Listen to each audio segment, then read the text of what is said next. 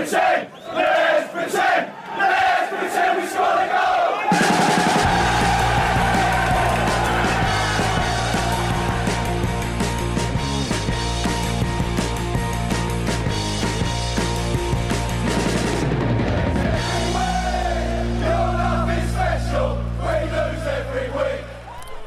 Sådär, då sitter Premier League-podden, Sportbladets sådan, ner i våran egen lilla studio.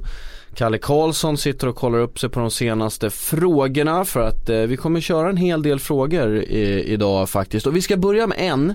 Eh, jag heter Mattias Lönngren men det visste du sedan gammalt. Eh, vi ska börja med en för den handlar om ett ämne som jag ändå tänkte att vi skulle prata om, vilket många av era frågor naturligtvis gör. Men den här gången handlar det om eh, Ross Barkley. Och vi ska inte prata om hans fotbollstalang nu, vi ska inte prata om hans fotbollskunnande som eh, kanske inte riktigt har blommat ut så mycket det kan. Men nu ska vi ta och prata lite om hans beslutsfattande eh, i en specifik situation. Det var ingen snygg tackling som eh, smällde till i, igår. Nej det var det ju inte. Eh, direkt när jag såg den så tyckte jag att eh, den där var eh, riktigt ful. Eh, jag märkte också att det var många som missade den. Kommentatorerna var ju inte riktigt med på när den skedde till exempel.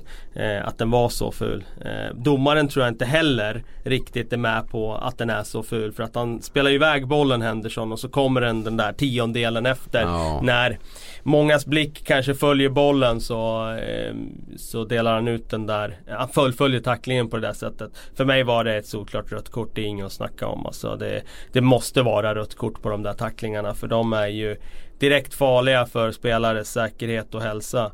Och eh, det kan vara en fraktur på en sån där tackling och då, då måste man beivra eh, dem med röda kort. Jag kan förstå domaren som eh, Släpper blicken. Ja, alltså han tittar ju inte på situationen och då är det svårt att ta fram ett rött kort om man inte har sett det. Det är jätteenkelt för oss som, som tittar på repriser och så vidare. Jag kan slå vad om att det var många eh, på TV som missade situationen när det hände. Som kanske också hade nöjt sig med ett gult kort om de hade bara skulle på en sekund ta beslut om vad det skulle vara för färg på det där kortet. Men eh, vi som har förmånen att sitta och kolla på repriser vi kan konstatera att det var ett solklart rött kort. Och jag beklagar också det faktumet att eh, det inte går att eh, förändra eh, det domslutet i efterhand. Precis, för där har vi också en läsarfråga. Den har du fått direkt till dig då. Om du har den uppe så kan vi säga vem det var som skickade in den. Men just i att när, när domaren delat ut ett gult kort. Det var Emil Halvarsson som eh, skriver att bör inte regeln om att spelaren inte kan straffas i efterhand vid gult kort tas bort? Att Barkley slapp rött kort igår är ett skämt. Och att han dessutom släpper, slipper re- retroaktiv avstängning eh, är idioti. Och det där, vi har pratat om det förut och vi har, eh, jag vet att vi har eh, tagit upp problematiken som eh, ligan ser på det. De menar ju på att om man skulle gå in och i efterhand eh, eh, bedöma situationer som domaren redan har bedömt så skadar det domarnas integritet. Och ehm, det, man kan ju förstå det, eh, tankesättet bakom det. Men jag tycker att förlusten av att inte ändra sådana här do- domslut är sämre. Än, eh, den, den, är, den är större än förlusten för domarnas integritet. Eh, kontentan av det här det blir ju att Mike Dean istället ser dum ut nu i efterhand. Hade kortet ändrats i efterhand så visst eh, man hade konstaterat att han gjort fel men då hade det i alla fall blivit eh, Kontentan hade blivit att Barkley hade blivit avstängd och då hade inte någon haft något större att anmärka på. Visst, han skulle ha blivit utvisad i matchen och Liverpool hade förmodligen dragit fördel av det. Nu vann de ändå matchen och Barkley hade fått sin avstängning och då hade alla varit nöjda. Eh, ja, utom Barkley själv då såklart. Nej. Men på, på, på det hela taget så tycker jag att eh, man bör se över det där. Och idag går det att eh, dela ut straff i efterhand på alla situationer där domaren eh, inte har bedömt det eller säger efteråt att han inte har bedömt det. Ibland upplever jag att domaren eh, när han inser själv att han har gjort väldigt fel så kan han säga att han inte såg situationen. Och då blir det en bedömning i efterhand. I det här fallet är det svårt för Mike Dean att säga att han inte såg det för nu har han delat ut ett gult kort. Och då hamnar man i någon slags eh, situation där det går inte att göra någonting åt det som alla kan se är uppenbart fel. Och du delar ut röda kort till höger och vänster för saker som domarna inte ser. Och då blir det konstigt tycker jag att man inte kan göra det när det är uppenbara röda kort som eh, sker som eh, eh, domarna ser. Samtidigt förstår jag också att det skulle bli en situation av att varenda domslut skulle eh, vändas och vridas på hit och dit. Och man flyttar ju hela tiden gränser med ett sådant förfarande. Givetvis. Det innebär att varenda gult kort eh, skulle potentiellt kunna vara uppe för granskning.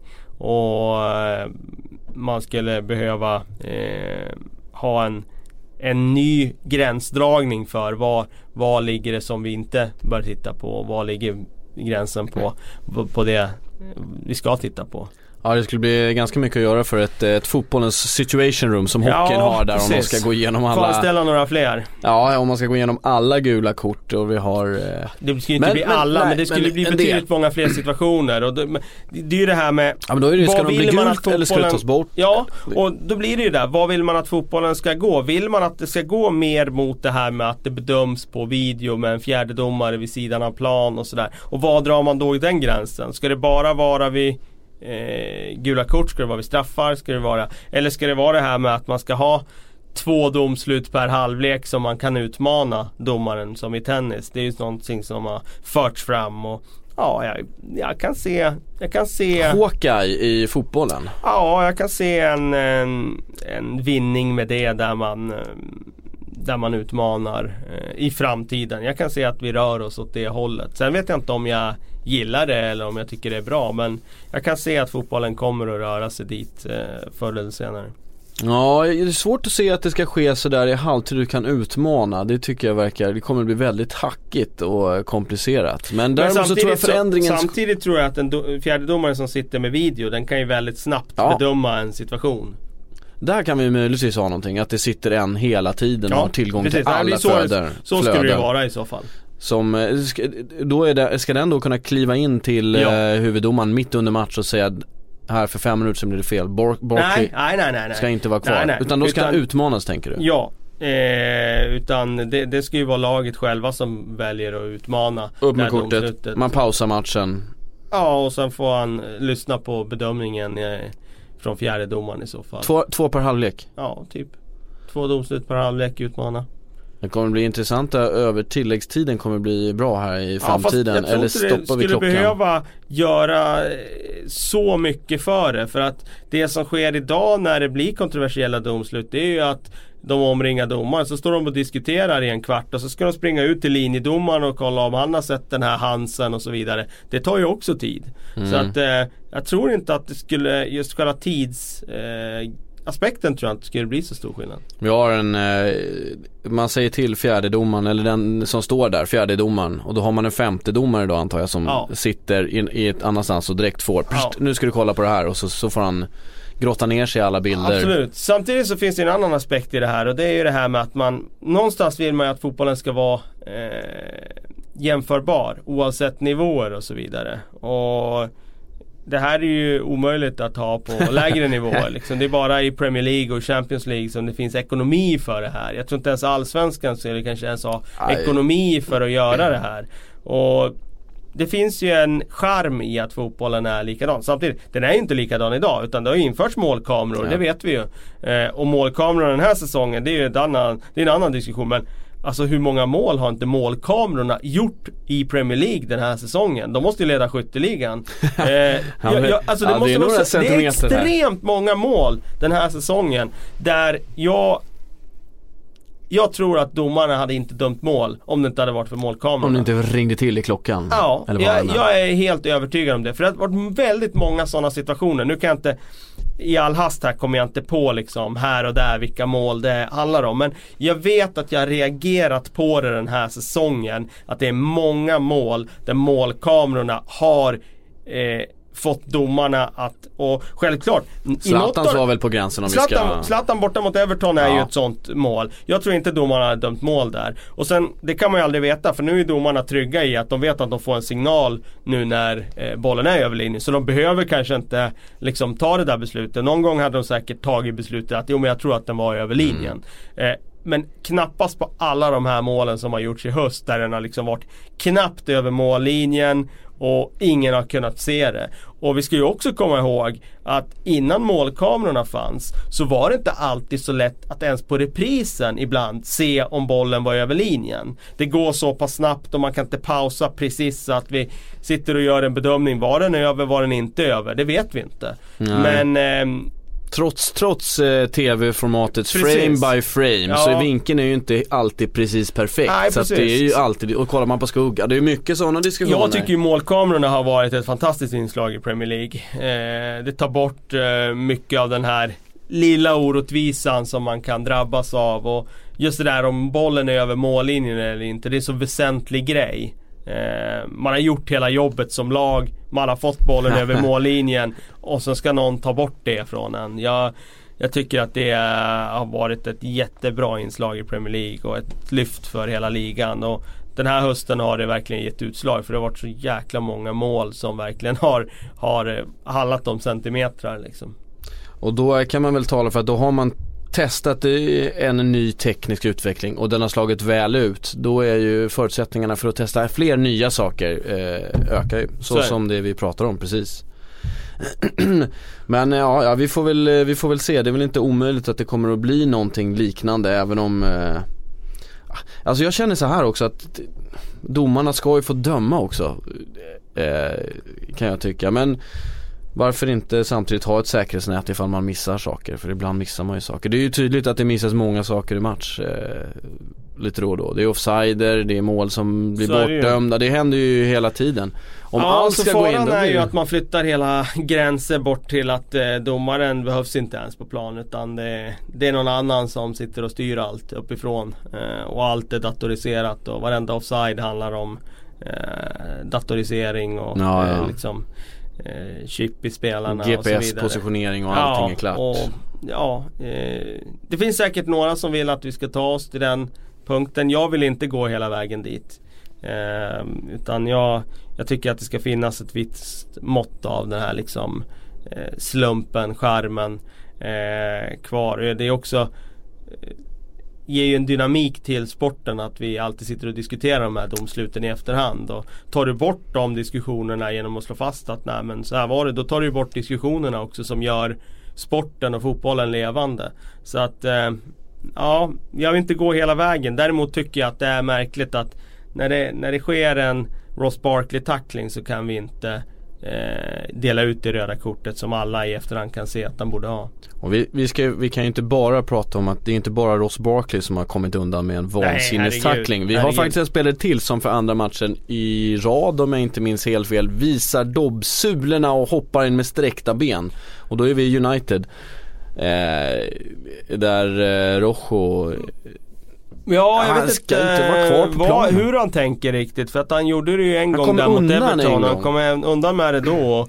I och för sig tycker jag väl den här tacklingen mot Crystal Palace riktigt var... lika ful, Nej, den var inte. riktigt. Och det var han li- längre ifrån spelaren om jag säger Ja. så då. Eh, så det här kanske bara då var ett gult kort. Men då är det ju för satsningen som det är ett gult kort. Och jag tycker nog att eh, han, eh, han bör fundera på vad han håller på med för tillfället. För att eh, han kommer närmare och närmare det där röda kortet när han kastar sig in på det där sättet. Men nu måste ju domarna, alltså Ja det blir uppmärksammat nu så jag tror att de han ligger nog riktigt illa Nu till. ligger han risigt till. Och det har inte United råd med faktiskt. Nej han kastar sig in med två sträckta ben också på det där Mm. sättet som Gör du det då ger du ju domaren chansen att plocka fram det röda. Det blir väldigt synligt också, ligger längs med backen. Det är inte en sån här i, vid sidan om smäll utan det blir en sån ful satsning. Verkligen. Som alla sen lätt kan prata om. Ja, det, det är om det. Men det ska bli spännande att se eh, vad som händer med utvecklingen. Och det, jag hoppas verkligen inte att det blir som det scenariot du målar upp, en väldigt steril fotboll där man bara spelar tills en dator blåser av och säger Ja men är bollen i mål eller är det offside? Vi har bara en, en stor, stor tuta, en Hesa Fredrik längst upp på planen. Det är den enda informationen som kommer ut. Det är bara spela tills den ljuder, då har det varit något fel eller något rätt. Det vore ju bedrövligt. Ja, det, jag hoppas vi inte går dit. Nej men riktigt så långt kommer det nog aldrig, aldrig att komma. Men visst, utvecklingen går ju bra jäkla fort alltså. Eh, och den blir ju bättre eh, och snabbare. Några som eh, vi satt och pratade om innan, vi ska inte ge oss in på Diego Costa nu igen för mycket. Även om jag gillar om han återigen stod för tre poäng. ett trepoängsmål.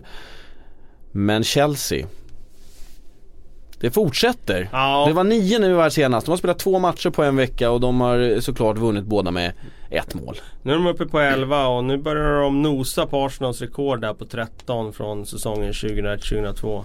Ehm, imponerande såklart. Ja, de är inne i den där zonen där eh, ja, det bara att rulla på. Självförtroendet lyser verkligen kring alla spelare. Jag måste säga att jag är oerhört imponerad av hur Conte har fått till deras försvarsspel. För att vi snackar ändå om David Luiz som har varit eh, ganska skakig tidigare defensivt. Eh, varit oerhört bra den här hösten. Vi snackar om Cesar Aspiricueta som har anpassat sig till en ny roll i en eh, trebackslinje. Gjort det oerhört bra. Eh, har varit i superform den här hösten. Eh, så ja, det är det ser riktigt, riktigt bra ut och nu får vi se. Nu är Diego Costa avstängd i nästa match här mot Bournemouth om jag inte minns fel. Bournemouth är korrekt. Eh, och det är klart att det kommer vara ett jätteavbräck för Chelsea. Eh, det är han som har burit anfallslinjen där framme och nu får Batshuayi såklart en, en möjlighet att visa att han kan göra jobbet men eh, det är klart att Bournemouth kommer tycka det är jäkligt skönt att slippa Diego Costa. ja det är väl inget lag som eh, inte skulle vara ganska nöjt med att inte ha honom att brottas med. Men eh, ja det, det, vi får väl se här om det blir tolfte raka. Just Bournemouth är inte så himla lätta som alla ja, Det är ett svårt lag att möta. ändå. Även om de förlorade, förlorade senast. Jag har faktiskt en fråga angående i relation till just, eh, just Bournemouth som klickade in här och såklart tappar jag bort den rakt framför mig. Här har vi den. Från Henrik Ovenen. Är eh, Nathan Ake redo för CFC redan nästa säsong? Ja, jag har varit eh. oerhört imponerad av Nathan Ake som är utlånad då från Chelsea till Bournemouth. Eh, han var i Watford förra säsongen, gjorde det hyfsat bra tycker jag. Men nu har han klivit in som mittback i, i Bournemouth och fått en jäkla utveckling måste jag säga. Målfarlig mittback också. Ja dessutom har han petat in ett par bollar men eh, framförallt tycker jag att han visar med sin snabbhet och rörlighet där bak att det är ingen som går förbi honom. Han eh, eh, är riktigt bra solid defensiv försvarare så att eh, Ja, det är ju absolut en spelare för ett, eh, ett av topplagen. Det är ingen tvekan om det. Eh, till nästa säsong, det tycker jag. Sen om man slår sig in i Chelsea eller inte, det är så svårt där att ta det där steget. Samtidigt, nu finns det ju tre mittbackspositioner i Chelsea. Och jag kan absolut se honom som vänster mittback i en konterbacklinje. Eh, det vore väl jättekul om de kunde äntligen plocka hem en spelare som har gjort hela den här låneresan och, och kommit tillbaka till Chelsea och etablerat sig i den startelvan. Men jag tror det när jag ser det. Jag har sagt det om så många spelare tidigare så att det, det är svårt att och tro att någon ska ta det där steget. Men eh, han har varit i väldigt, väldigt eh, fint slag i, i höst här. Viktig för Bournemouth? Ja, det är, det är det som är grejen. När du är ett mittenlag, under halvan lag beroende på, nu är de på övre halvan just nu men när du ligger där i krokarna så får du in en mittback som är så här bra så gör det ju så extrem skillnad. En sån där spelare som gör att backlinjen kan spela några meter högre för att han har den där snabbheten att rädda upp de situationerna. Eh, spelskicklig så han slår inte bort de där uppspelen, kan spela sig ur situationer. Eh, det, det betyder såklart enormt mycket för dem. Och han eh, var ju liksom inte ordinarie när säsongen startade heller ska vi veta. I, Första omgången spelade han inte, andra omgången hoppade han in. Så att eh, han har ju på ganska kort tid gått från att vara utanför laget i Bournemouth till att eh, kliva in och vara som jag ser det deras bästa spelare just nu eh, och den här hösten. Ingen och, tvekan om det. Och det är ju ett lag som eh, började knackigt men sen har hittat in mer och mer i sitt sätt att spela. Verkligen, nu torskade de ju mot Southampton fick de senast torsk där. absolut. Trots att Nathan Ake gjorde 1-0 målet i den matchen. Eh, men eh, De kunde gott ha gjort 2-0 också, hade eh, fler chanser men Ja. gjorde, gjorde det inte. Då Precis. kan det gå som det går. Nej men de, de, de har varit i bra form en, en längre tid här och det är klart att det är imponerande att, av lilla, lilla Bournemouth att de ens ligger upp mot mitten i tabellen. Eh, Anton Johansson har en eh, fråga som jag direkt kommer backa ifrån och ge helt till dig eh, Kalle Karlsson här. Hade inte 4-4-2 Diamant passat Uniteds spelarmaterial bättre? Eh, jo, det hade passat eh, många spelare väldigt, väldigt bra. Ehm, eh, om man tittar på Pogba, Carrick, Herrera. Du får in en Mkhitaryan, du kan få in en Mata. Eh, och du får dessutom två anfallare där och man skulle kunna haft eh, Zlatan Rooney, man skulle kunna haft Zlatan Rashford och så vidare. Men jag tror att man får också ko- komma ihåg att Manchester United har alltid varit en klubb som har eh, varit känd för sitt kantspel. All, Alltifrån liksom på George Best dagar fram till eh, Kanchelskis till Beckham till Cristiano Ronaldo. Det har alltid varit kantspel på Old Trafford som har varit liksom deras eh, karaktärsdrag. Och Sir Alex Ferguson testade ju med diamant eh, var våren 2013. Eh, där han eh, experimenterade lite med det. Och det är klart, det fick ju någon effekt i någon match och de gjorde någon bra insats med diamanten. Men han kom ju också tillbaka till det faktumet att nej, vi tar bort för mycket av det som är lagets DNA. Alltså kantspel, komma runt, inlägg. Eh, spelare som kan slå sin gubbe. Och det kommer du ta bort helt om du, om du spelar utan yttrar automatiskt. Det, du kan säga att ja, du kan skicka fram ytterbackarna. Men nej, de kommer inte komma fram i lika höga positioner. Det kommer inte bli samma ytterspel som det blir med eh, traditionella yttrar. Så nej, jag tror visst det skulle passa eh, flera av de centrala spelarna. Pogba, Carrick, Herrera. Du skulle kunna få till det här centrala väldigt bra men du skulle förlora för mycket av att ta bort kantspelet i ett lag som eh, liksom vars kännetecken har varit just kantspel. Det är lustigt det där att, att, att det kan sätta sig så mycket i en klubb. Förstår du vad jag menar? Alltså du spelar, man plockar in de här spelarna och det skulle passa för dem men det passar inte i klubb-DNA. Det är ändå, eh, det är Ja, men sen, sen ska du komma ihåg, du tar ju också bort en sån spelare som Martial. Vad skulle han spela eh, som en av två anfallare? Ja, men då blir det mycket spel eh, felvänd och så vidare. Och han skulle inte få de här lägena från kanten när han får komma in med fart och utmana. Martial var lagets bästa offensiva spelare förra säsongen. Visst, han har inte varit lika bra i höst, men jag tror ändå att klubben har stora förhoppningar för, på honom fortfarande. Så att, ah, jag, jag är tveksam till eh, diamanten och jag är tveksam till att eh, Ja, det blir ju lite det där klubb-DNA ändå. Eh, Old Trafford, alltid varit liksom kännetecknat av att vara en stor plan, bred. Eh, och United har alltid eh, liksom fokuserat på det där kantspelet. Ja, det blir lite att man skulle gå emot klubbens DNA om man skulle ta bort det. Mm, jag har lite fler läsarfrågor fortfarande om, eh, om United. Nu är det om, om svensken här. Björn Hellström vill att du ska betygsätta Zlatans höst. Och sen så kommer en följdfråga lite, alltså jag kör, jag kör två frågor i ett här. Eh, det blir tre till och med. Betygsätt Zlatans höst. Hur bra hade han slash United varit om han kommit till Premier League för fem år sedan? Och det här kopplar vi dessutom i, ihop med eh, Ja, där tappar vi den. Ja, Nej, vi- vi- vi- Anton Johansson, nu har vi den. Hur många 35-åringar har hållit liknande nivå som Zlatan? Ja. Jag tänkte Ja, vi men- klumpar ihop det där för det blir en Ja, jäkla okej. harang annars. Ja, nej men det... Vi kan börja med att betygsätta. Jag skulle sätta en svag fyra på hans eh, höst här. Eh, det som drar ner betyget det är ju den här perioden på två månader där, där han bara gör ett mål eh, på 11 matcher. Han missar väldigt mycket chanser Mm. i den perioden. Men inte bara det utan där var han ju också spelmässigt väldigt svag.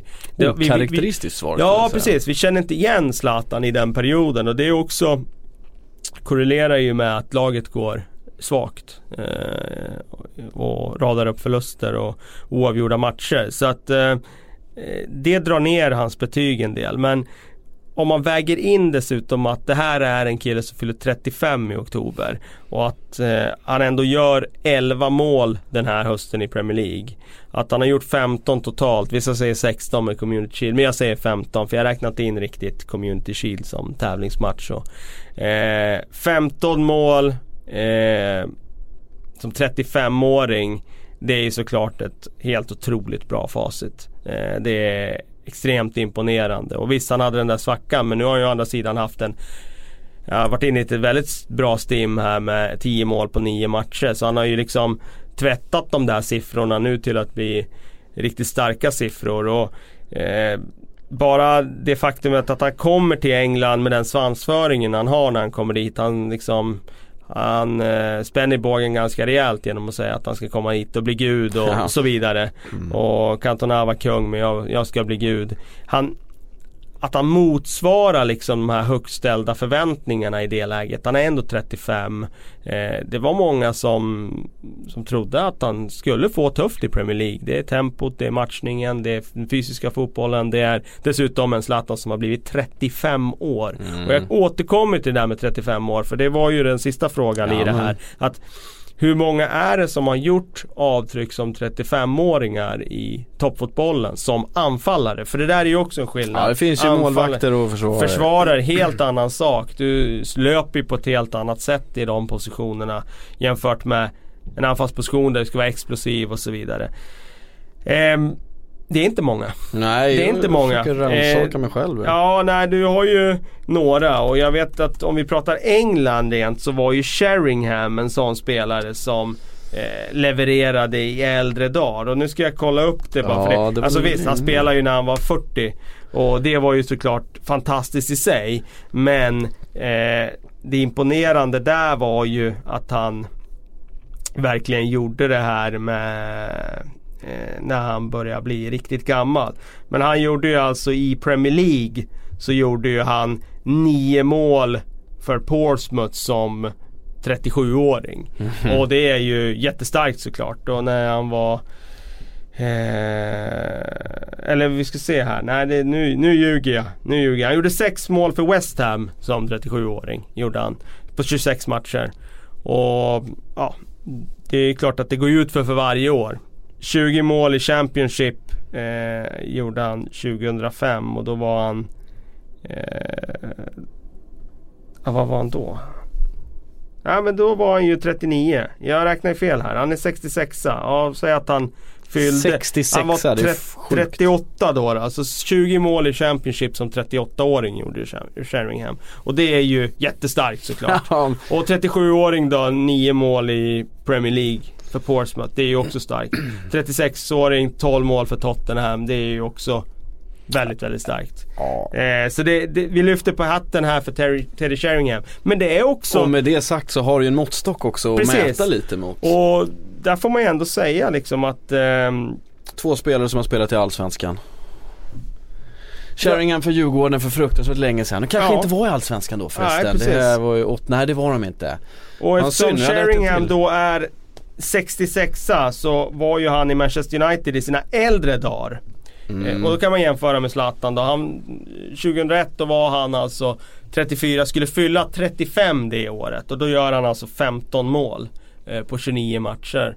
Och det är ju väldigt bra. Då ska man komma ihåg att den säsongen var United extremt överlägsna. Men det är ändå, det är, det är bra. Spel, eh, nu har inte jag järnkoll på det året men eh, var han då, precis som Zlatan, spelar han lika mycket? Så spelar han alla minuter eller var det så att han fick komma in och göra lite senare mål? Han var inte lika jag, jag har inte exakt på inhopp han har gjort den här säsongen. Quality sleep is essential for boosting energy, recovery and well-being. So, take your sleep to the next level with Sleep Number. With a Sleep Number smart bed, you can individualize your comfort level and enjoy a better sleep night after night. JD Power ranks Sleep Number number 1 in customer satisfaction with mattresses purchased in-store. And now the Queen Sleep Number C4 smart bed is only $1,599, a saving of $300 only for a limited time. For JD Power 2023 award information, visit jdpower.com/awards. Only at Sleep Number stores or sleepnumber.com. Men han spelar Nej. 29 matcher av 38 i ligan. Ja då är han, eh, bra utdelning. Ja, sen ska man komma ihåg, det här var ju på den tiden när United hade Andy Cole, Dwight Ja, York, ja, ja. Sheringham och Solskär. Men han var väldigt bra den säsongen så ja, han var ordinarie, han spelade Ja. mycket. Och, Galet anfall de hade då faktiskt. Ja, det får man säga. Och eh, det är väl den spelaren i Premier League som i äldre år då har kunnat leverera. Sen är ju Zlatan, tycker jag, är liksom ett fenomen med sin fysik. För att det här förmågan att dyka upp på rätt ställe i straffområdet och peta in bollar, den, den förlorar man ju inte med åren. Men Zlatan har ju, tycker jag, utvecklat sina targetkvaliteter enormt mycket. Alltså, Det har definitivt United gjort. nu i sitt spel, de vet att de kan sätta upp bollen där på honom felvänd och så brottas han med någon ryggsäck och, och så kan han hålla i den på ett sätt som är oerhört imponerande.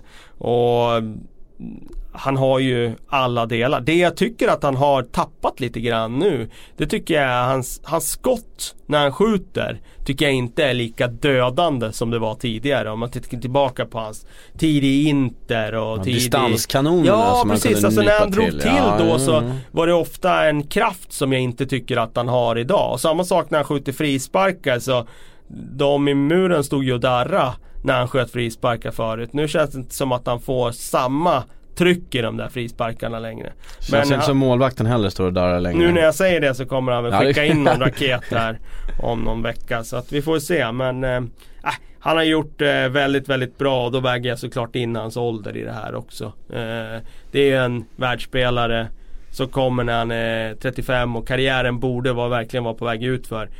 Och den är väl på väg ut för så kan man väl säga. Men att han ändå gör mål i Premier League är ju starkt. Ja det, det är väl eh, precis, Teddy Sheringham där och Jermaine, Def- Jermaine Defoe eh, knackar ju på. Han är ju inte 35 än. Nej det är så han det går inte riktigt att säga, han är 34 trots allt. Men han är onekligen, eh, om vi ska ta upp en spelare som också är fruktansvärt viktig för sitt anfallsspel, för sitt lag. Ja, Ja. och bärande. Så han, vi får väl se om han fortsätter nästa år. Sunderland kanske inte spelar i, i Premier League Nej eh, men så som han säsongen. gör mål så borde väl han spela i Premier League kan jag tycka i och för sig då. Och jag Han är menar- uppe på åtta nu. Han är uppe på åtta och det är bra. I ett lag som inte ligger och pressar på motståndarna överdrivet Så är det ju. Samtidigt passar ju det honom att Ja, det, han kanske- får ju ytorna och hastigheten. Men eh, eh, vad, vad vi kan konstatera att nej, det är inte många spelare som levererar när de är 35. Nej du har ju, i Spanien har du ju Adorif eh, i Athletic Club då som eh, också gör det. Eh, och han är 35 precis som Zlatan och gör en massa mål i, i La Liga och det är imponerande också. Men det, man får leta efter de här spelarna som ändå ly- lyckas va- göra det år efter år. Di Natale i Italien gjorde ju också det Ja. såklart eh, i många år där och det, det var imponerande men eh, han var inte riktigt så gammal när han gjorde eh, eh, massor av mål. Du hur länge var eh, Bergkamp, alltså det känns som folk slutade lite tidigare. Bergkamp, hur gammal var han när han slutade? Jag tänkte att han var gammal men han kanske inte var så fruktansvärt gammal när han höll på och bråka på slutet. Nej, vi ska se Di Natale, han är 77 Då var han alltså 30 2007, då var fem år sedan. Ah, han gör ju, Di Natale gör ju ändå som 35-åring gör han 23 mål i Serie A. Det får man ändå ge han. Den är tung. Det är kvalitet. Den är 36-årig 17 mål i Serie A. Så att nej, det, det får vi köpa. Det, det är riktigt bra. Det är riktigt, riktigt bra. Det är riktigt Vi får bra. se vad Zlatan landar på eh, dock också för att nu har jag hittat igen in i ett målstim. Ja. Det, om han inte hade haft den här svackan då hade ju både han och United onekligen legat fruktansvärt Så är det ju. eh, Samtidigt som det, där, Men det- är svårt ja, att vrida på. Hade han inte bla, haft, bla, bla. haft svackan kanske han inte hade gjort 10 mål på 9 matcher nu istället. Nej, Vi får se om man kan hålla i här under julperioden och hålla i i vår. För det är det som är, det är nästan det sista lilla frågetecknet du kring Zlatan. Hur reagerar han på den här tuffa matchningen i jul? Och vi får se där hur Mourinho matchar honom. Kommer han starta varje match nu i julen? Och det där kan ju också visa sig vara så att han gör det och det är Zlatan som är det här unika praktexemplaren när det handlar om fysik som spränger alla naturlagar kring det där. För att han har ju en fysik som ingen annan fotbollsspelare har eller har haft egentligen. Ingen spelare som spelar i den positionen och spelar i topplag i toppligorna i alla fall. Så att det kanske visar sig att han klarar av den här tuffa matchningen även i vintertid och klarar av att inte ha det här breaket som man är van att ha haft från tidigare säsonger och då är det bara att lyfta på hatten. han får ju vila på landslags, eh, landslagsuppehållen nu istället. Det får han ju göra.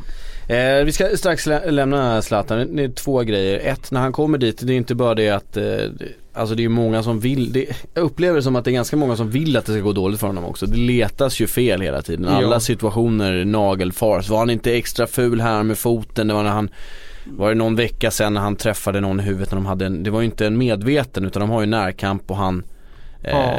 Nu tycker jag i och för sig att han delar ut en ful tackling här på Ja nu, McCauley absolut, men jag tänkte på någon matchen. innan här när de, när de krockar. Nu var den inte så snygg. men- Nej, och det var, jag tycker väl i och för sig inte att det kanske var rött kort då, eftersom man inte använde armbågen. Men det är ju en sån där tackling som den ser, eh,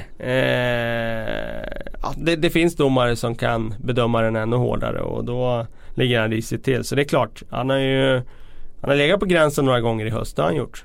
Och det var en sak till här. Alan Shearer var inne på det och vi fick även den frågan. Men eh, Alan Shearer om det jag tror att det var han eller ja. Kan ni, eh, kan ni föreställa er vad han hade kunnat göra med den här ligan för tio år sedan? När han var 25. Men Ja. då ska man komma ihåg att Zlatan spelade inte alls samma typ av fotboll för 10 år sedan. Nej, det gjorde han inte. Och Han var inte lika ju- cynisk. Han har ju sagt det själv Zlatan, han är som ett årgångsvin som blir Ja, bättre. man får ju säga att han var ju som allra bäst i sin karriär här i PSG. Bättre än så har han ju inte varit någon gång, det tycker jag nog inte. Eh, även om han var kanske 28-29 och i fysiskt praktexemplar för ett x antal år sedan så tycker jag ändå att den fotbollen han spelade i PSG här när han var som bäst det är, det är den bästa fotbollen han spelat i sin karriär. Då tycker jag han har varit som allra bäst. Och, eh, jag tror inte han hade varit bättre för 10 år sedan än eh, vad han hade varit idag. Däremot så är det klart, hade han kommit för två, tre år sedan till Premier League så hade han ju såklart varit bättre än han varit idag. Det, det tror jag nog. Ja han, är, han har ju, eh, ja han gjorde ju mer tekniska under förr och jag tror han spelar mer för att lyckas med liksom förnedringssaker. Så är det och det där det Så var det intressant. gamla, ja. Han har blivit mycket mer effektiv och, och sådär. Och det var intressant faktiskt för det som sker i slutminuterna här borta mot West Bromwich det är att han försöker göra den här flip-flap-finten som han gjorde en gång på den käre Steven Henshaw. Grejen var att han misslyckades ju den här gången. Samtidigt tycker jag det är kul att han testar lite grann sådär för att han behöver påminna oss alla ibland om att han har den där, de där eh, liksom verktygen i lådan också. Att de finns kvar där. ja nu fick han ju hoppa in mellan backarna i West Brom då också fram till, eh, fram till eh, 2-0 målet. Så att eh, helt borta ifrån hur man gör är han ju naturligtvis inte. han kommer alltid vara väldigt, väldigt, eh, alltså han har ju teknik. Det tror jag inte att det är någon som i, i, Eh, överhuvudtaget. Ehm, nu ska vi se, vart var vi på väg här? Nu tappade jag bort mig. Det var väldigt mycket Zlatan här. eh, Men det var ett tag sedan vi brände av eh, mycket Zlatan faktiskt. Eh, Liverpool, finns det något mer att säga här om, eh, om Liverpool? Ehm, nu gjorde de ett sent mål genom eh, ja, ett succéförvärv, det har vi varit inne på. Mané ja. Ja. Ja, absolut. Det Där, eh, honom har vi hyllat i ett tidigt skede och med all rätt. Han eh, har ju, tycker jag, steppat upp ett par snäpp sen SA-15-tiden där. Tyckte han var ganska ojämn och bra ibland och lite sämre ibland. Men nu har han ju verkligen visat att han har en spets som, eh, som gör att han kan göra skillnad även i ett topplag. Han har ju varit oerhört viktig för Liverpool och dessutom med den där speeden han har och de egenskaper han har så passar han ju väldigt bra i den spelidé som Jürgen Klopp har. Eh, jag tycker de vann rättvist igår mot Everton till slut. Eh, Everton var bättre i första halvlek. Fick matchen dit de ville. Blev en fysisk kamp. Eh, jag tror att det är så Everton ska spela. Om de ska ha någon framgång eh, med det laget de har idag. Eh, jag tycker första halvlek där så eh, Ja men jag gillar det jag såg från Everton där. Vi har ju hackat på dem lite tidigare men Mm. nu slog de ju ändå Arsenal här för några dagar sedan och sen levererar de ändå en insats som i första halvlek som jag tycker ändå det, det, det är så Everton ska vara där på sin hemmaplan. De ska vara intensiva, de ska vara fysiska och så vidare. Sen i andra halvlek så tycker jag Liverpool var bättre än vad Everton var och ju längre matchen led så kändes det som att det var Liverpool som spelade för segern och Everton som försvarade sig och det, det kostade dem till slut. Eh, Speglar ju, speglar ju tabellen så att säga. Ja så, så var det ju och Everton hade varit mest nöjda med ett kryss eh, eh, till slut och ja det var starkt av Liverpool såklart och, och ta den där. Det, jag menar, det är aldrig lätt för dem att åka till Goodison och, och plocka tre poäng och, och så vidare och dessutom med den situationen som Everton är i nu. De spelar med en viss mått av desperation i sitt spel så att eh, Eh, oerhört viktig seger för Liverpool. Nu har, hakar de ju på där uppe. Hade de kryssat den här matchen då hade man känt att avståndet uppåt hade blivit väl stort. Ja om Chelsea tänker fortsätta så här så är de ju på väg att stänga den här skiten. Det trodde Ja, jag inte för många jag omgångar tror inte sedan. det. Jag Nej tror- men det, det är Jag har sett det här förut. Jag tuffat på. här, ja, det är jag- inte många gånger vi har sett 12 raka trepoängare. Nej, det är inte eh, många kan gånger. vi ju konstatera. Vi får se men det nu ser det farligt ut. Men visst. Nu är det Bournemouth och det är en avstängd eh, Costa. Det kommer förändra sättet de spelar på. Och Liverpool, nu är det ju, de hade ju en riktig framgångsvåg där när det bara blev mål. Alltså de krossade väldigt mycket motstånd. nu eh, eh är det ju onekligen också så så att lag vet om att vi, vi ska inte försöka hålla bollen för länge ner, ner i egna backlinjen. Den måste bort. För de sätter en sån fruktansvärt hög press. Mm. Så det är inte många, man behåller, Everton spelar också, man behåller inte bollen gärna i onödan utan nu eh, lyfter man den långt för att flytta upp Ja. var, eh, var pressen mot sig själv kommer. Och det är så, så kommer ju fler, fler lag kommer ju, har ju redan börjat spela så att det finns ingen anledning att ge dem chansen att lyckas med gegenpressen. Sätta fast den. Nej. Nej, så är det ju. Eh, sen är det ju sådär, det är inte så jäkla enkelt alla gånger heller Nej. att tänka att man ska lyfta förbi och sen bara klara av att hantera den där pressen och spela loss. För att det, det är enkelt i teorin att säga att man ska lyfta upp den och så suger man fast den där och så etablerar man spel där uppe. Men det är mycket som ska stämma för Ja, att ofta ger man ju bort bollen. Så är det ju och det är det som blir jobbigt då mentalt att ofta ge bort bollen på det sättet. Ehm, så att ja, nej, vi, vi får se om, om lag har lycka med det här eller om det är så att de spelar Liverpool i händerna med det här. Det kan också vara så. Ja det, det känns definitivt som att Liverpool är inget lag du vill ligga under mot.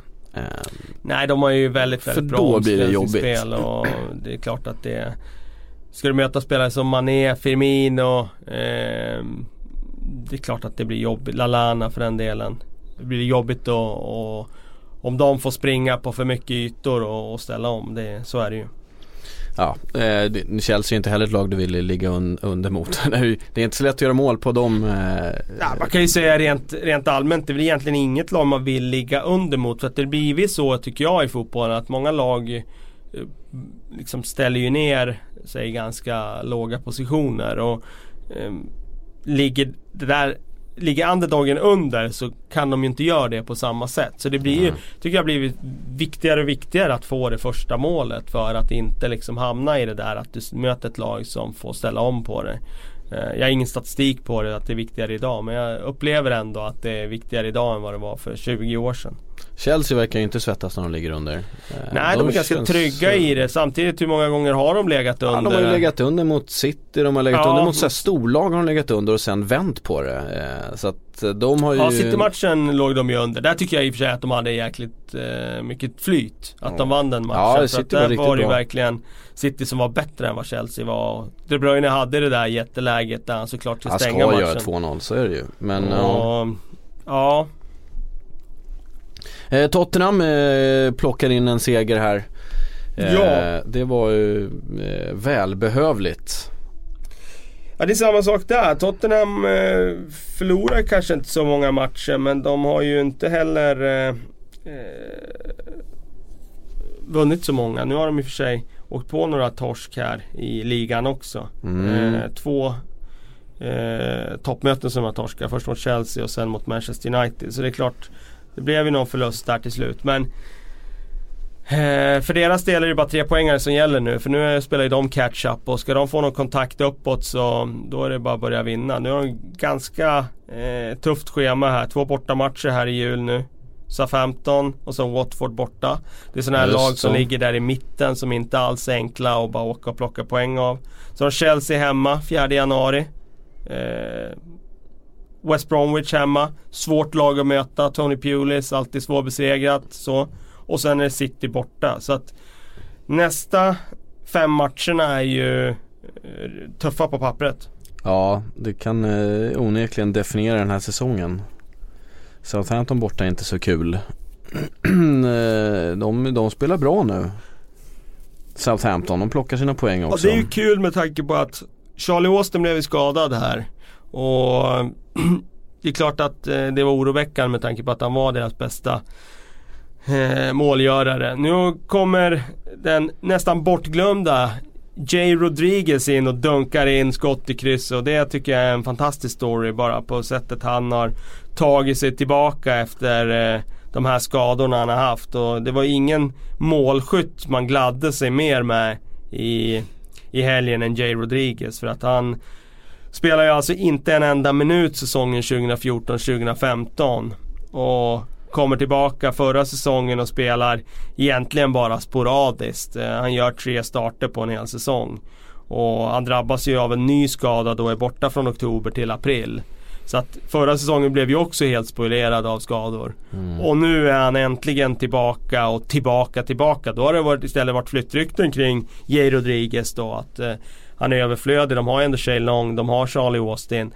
Men eh, nu blir Austin skadad. Jade Rodriguez får chansen och så tar han den på på bästa sätt i den här matchen mot Bournemouth och det där skottet i krysset var ju fantastiskt att se. Tre mål nu på tre starter i höst. Sex inhopp också då dessutom men det får mig ändå att tro här att eh, Jay Rodriguez kan fylla den här luckan efter Charlie Austin och man kanske inte behöver värva i januari. Och framförallt så ska man ju inte släppa Jay Rodriguez Nej. i januari. Eh, nu ska vi se här, det spreds lite bilder eh, på sociala medier eh, med Mesut Özils pressfotbollsspel, eller snarare brist på densamma i förlusten eh, mot City. Senast förlorade med 2-1. Eh, och han ser helt oinspirerad ut. Märkligt. Ja, eh, det är det ju såklart. Eh, han har väl haft en tendens i sin karriär att falla ifrån matchbilden i vissa matcher. Och, eh, det är eh, kanske någonting som vi får leva med när det gäller honom. Han kommer ha sin geniala sida. Han kommer också ha sin sida där han ibland är lite trött och ointresserad. Eh, för mig så eh, föll ju hela Arsenals lag ihop i andra halvlek. Det var inte bara Mesut ja, Özil. Det är synd för eh. Arsenal att man inte spelar 90 minuter rakt eh, i den här. För nu ja, spel, det var verkligen tydligt att det var 2 gånger 45 Ja, det var mycket märklig scenförändring i andra halvlek. För Arsenal gör det mesta rätt i första, får matchen dit de vill och känns kompakta och solida och sen bara slår det om. Och sen i andra halvlek så gör man saker annorlunda. Alltså man var ju väldigt noggrann och pragmatisk i första halvlek. Man ska inte sätta fast sig i Citys press på samma sätt som vi diskuterar kring Liverpool och mm. så vidare. Men sen i andra halvlek så börjar man eh, ta konstiga beslut och det är som att man tappar bollen en gång och då lär man sig inte av det och tänker att ja men just det, vi ska ju tillbaka till vad var det vi sa i matchplanen? Jo, vi ska inte sätta fast oss. Nej, fortsätter att göra det. Och det var ju faktiskt en period i andra halvlek där när man inte kommer över mittlinjen. Eh, och City liksom har ett kompakt grepp om matchen. Och Arsenal kan inte ta sig ur det. Och det var ju ovant att se Arsenal falla ihop på det sättet. Eh, mentalt svaga, ja det har vi lärt oss att Arsenal har varit genom åren. Eh, tappa matcher och toppmatcher, ja men det här var ju en eh, liksom spelmässig kollaps som jag inte riktigt känner igen. Och ja, Mesut Özil blir ju lite signifikativ och symbolisk för den här insatsen där han vandrar runt som om han ja, är ute på någon söndagsvandring. Sen blir han ju hackkyckling nu också när, man, när det pratar, folk ska han vara kvar överhuvudtaget. Så då blir det ju lätt att man tittar extra mycket såklart. Eh, så är det ju, men det man, kan inte, man kan inte agera i försvarsspelet som att man inte är aktiv, inte är på tå, inte vill vinna tillbaka bollen och man inte är intresserad av att täcka någon yta utan man vandrar bara runt liksom. Då, då, då sätter man sina lagkamrater i skiten och det var det han gjorde. Och matchen var inte död eller, det ska man inte glömma. Nej precis, eh, inte i närheten av död utan eh, de eh, hade ju jättemycket att spela för och nu Ja, det här var ju lite av en vägskälsmatch för båda de här klubbarna tycker jag. Eh, och det är klart att det är väldigt, väldigt surt att tappa så här mycket mark mot toppen i det här läget lite typiskt också att det kommer, eh, när, när vi gjorde förra podden då eh, hade de inte förlorat den matchen den första öppningsmatchen mot Liverpool. Sen så hade man ju varit obesegrad, lite, lite mycket kryss kanske för den här Arsenal supporters fanns. Men de var ju där. Mm, och, nu ja, stå, och nu står vi här två torskar senare. Två raka liksom. torskar, ja precis. Det, ja. Det går fort. Det men... går fort, det går fort. Eh, samtidigt så kommer det säkert gå fort åt andra hållet också om man bara se till att man skaffar sig några segrar på rad här. Nu är de ganska tacksamt schema. Det är två hemmamatcher här nu under julperioden. West Bromwich, Crystal Palace. Eh, sen är det borta mot Bournemouth, borta mot Swansea. Hemma mot Burnley, hemma mot Watford. Så att Ja, det var inte den elakaste Nej, radion. kommande sex matcher är ju ganska snälla på pappret. Vilket får mig ändå att känna att Arsenal bör kunna plocka rätt mycket poäng nu de kommande sex matcherna. När man går in i en väldigt tuff period i Premier League-schemat. Och då kanske det är så då att ehm, det är nu man ska ta sig i kragen och ta igen de här poängen på andra klubbar som kanske tappar några poäng här i julperioden. Sebastian Persson skickar en fråga. Hur tror du Arsenal skulle fungera med treback? Gibbs och Bellerin skulle fungera som klockrena wingbacks. Ja, nej, det, så är det ju. Eh, det, det är ingen tvekan om det att eh, om man bara tänker på Gibbs och Bejerin så skulle de passa väldigt bra som wingbacks. Och det, eh, det, det tror jag inte Wenger skulle protestera emot. Men om man låt säga då har dem som wingbacks och du ska spela tre mittbackar vilket säkerligen skulle ge de mittbackarna lite mer trygghet där bak. Det skulle vara mindre ytor att täcka för dem och så vidare. De skulle bli lite mer solida defensivt. Men då får du ju ge upp tanken då. Antingen så kommer du inte ha något centralt övertag längre. Eh, med tre spelare centralt. Om du ska ha en rak fyra där då eller eh, en tvåa där så kommer du ju antingen behöva ge upp. Antingen spelar du 5-3-2 och då tar du bort dina ytterspelare. Eller så spelar du 3-4-3 som Chelsea gör. Och då tar du bort eh, det centrala övertaget. Då har du bara två centrala mittfältare kvar. Och jag tror inte att Wenger kommer vilja ta bort det centrala övertaget på mitten. Eh, och det är det där pusslet du måste lägga. Eh, det är det där pusslet som du själv eh, alltid kommer att liksom väga hit och väga dit. Ja, det passar bra för Bejerin och Gibbs att flyga upp och ner längs kanten. Men du får ge, tumma på någonting annat och det är det jag inte tror att han är beredd att göra. Nej. Eh, men om man skulle spela någon slags fantasyfotboll här. Eh, går det bra för någon där möjligtvis i det här rummet? Ja, ja, du leder in mig på Ja, jag- Premier Manager. jag vet ju att du vill, eh, Jag hade skryta. i och för sig inte någon bra omgång den här omgången. Men för att vara en dålig omgång så klarar jag mig ändå med, med hyfsat eh, liksom, betyg. Nej, grejen var ju det. Jag var ju oerhört eh, misslyckad i EM11 i somras. Jag eh, kan inte tänka mig att någon var mer otajmad än vad jag var när det handlar om spelarbyten och allt sånt där i EM11 i somras. Men just i Premier Manager i år så har jag klättrat lite här nu de senaste månaderna här och är uppe i alla fall på topp 1000 och det är ja, 890 plats. jag Vad bygger du din, eh, vad, vad, vad satsar du på Nej, jag Vad har du att defensivt tipsa? i år. Ja. Satsar defensivt i år. Bra backar som eh, spelar för lag som släpper in få mål. Och det har varit mitt eh, lyckodrag där. Eh, och sen, ja, gäller det att pricka in de som gör mål och det är, det är inte lätt alla gånger såklart. Men eh, Har du med Ake? Nej, det har jag inte. Däremot är jag med Alexis Sanchez och Walcott som har gjort mål för Arsenal en hel del. Eh, men eh, ah, jag är inte helt nöjd med mitt lag så jag ska förändra till nästa... Vem skulle du plocka, vem plockar du ut och vem plockar du in? Eh, jag, jag gjorde en chansning och satte in Josh Sims. Jag tyckte han gjorde en jättebra insats för Southampton i Europa League. Eh, oerhört imponerad, egen produkt och liksom 20-21 eh, år och kommer in och rör runt och tänkte han kommer ju att och göra, få fler chanser här i ligan men han har inte spelat nu. Eh, så att han måste jag byta ut och då ska jag in med en ny mittfältare. Får se vem det blir. Mm, ja du vill inte ge bort alla, allt för Jo mycket det gör tips. jag ju. Jag har ju alltid gett de här tipsen Ja, inför, ja, Eh, inför Premier Manager-omgången på sajten. Men eh, just nu har jag inte bestämt mig. Här, här kommer sista frågan från eh, Twitter, vi går in i sådana här tider nu. Om alla Premier League-spelare hade gemensam julfest, vem hade gjort bort sig mest? Observera att Lord inte spelar i Premier League. Nu är inte Bränning med här, annars hade han ju direkt föreslagit honom.